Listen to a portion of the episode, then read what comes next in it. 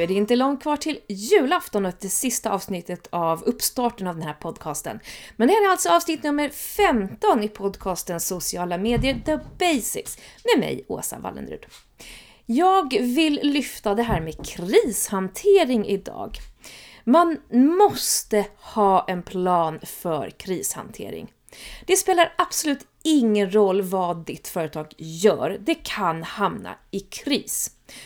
Och när man då hamnar i kris och inte har en plan för det här, det är då man kan fucka upp det totalt.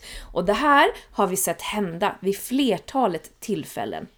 Så ta lärdom av de här dumma, dumma tillfällena som har uppstått och eh, gör en strategi för just krishantering.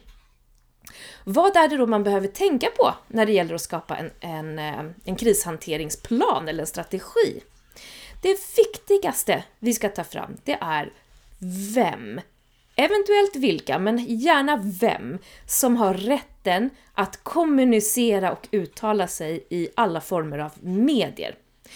Och det kan vara att det, alltså ni kanske har ett litet företag och krisen är väldigt liten, men det ska ändå vara en talesperson som går ut och säger saker, även om det bara handlar om att lägga upp ett inlägg på Facebook. Det ska vara tydligt att det är den här personen som gör det. Så att det inte blir en massa olika människor som uttalar sig till olika instanser och sen så säger man olika saker och så blir det bara ännu mer rörigt och kletigt. Så spika gärna vem, alternativt en vice vem, om, om vemmen inte eh, finns tillgänglig. Det här är jätteviktigt och det här har vi precis sett väldigt mycket problem med, att folk har uttalat sig om det som är då en kris i olika medier och det har blivit rörigt. Så super, super viktigt. Sen också bestämma hur kommunicerar vi i en kris? I vilka kanaler ska vi göra det här? På Blocket till exempel så gjorde vi det egentligen bara på min, eh, mitt Facebook-konto. Jag säger mitt, men eh, Blockets Facebook-konto.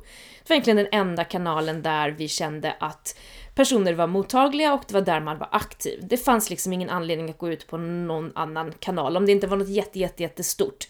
Det som också gjordes bakom kulisserna, det var att man skapade ett frågor och svar-dokument om pressen skulle tycka att nu har det varit kris väldigt länge. Vad är det som händer?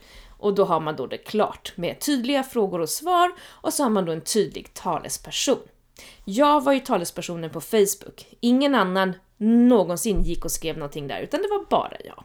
Supertydligt. Och vad har vi för tonalitet och vem är det som formulerar texten?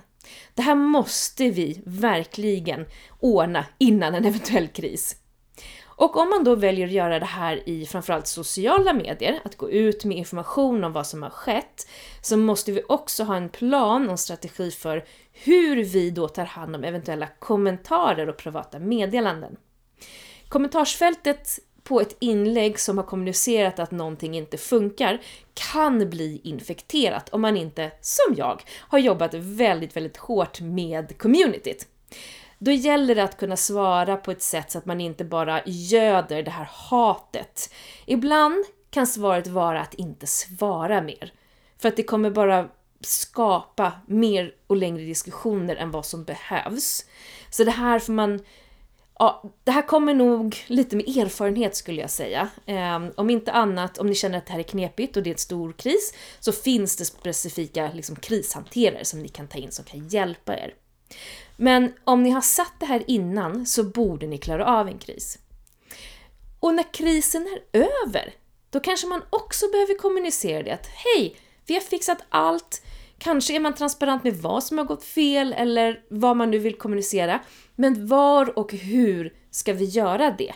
Var känner vi är lämpligt att tala om att vi är up and running again? Så kom igen, nu kör vi! Nu köttar vi! Så det måste också finnas med i den här planen. Och sen naturligtvis så behöver vi ta en liten retro, som det brukar kallas. En liten, ja men hur man, en, vi ska alltså anal, förlåt, vi ska analysera hur hela den här processen gick efter en kris. Hur fick vi veta att det var en kris? Vem kommunicerade? Hur kommunicerade vi? Vilka kanaler? Hur sa vi att det var över? Hur gick liksom där? Behöver vi korrigera och justera någonting inför en eventuell kris eh, längre fram?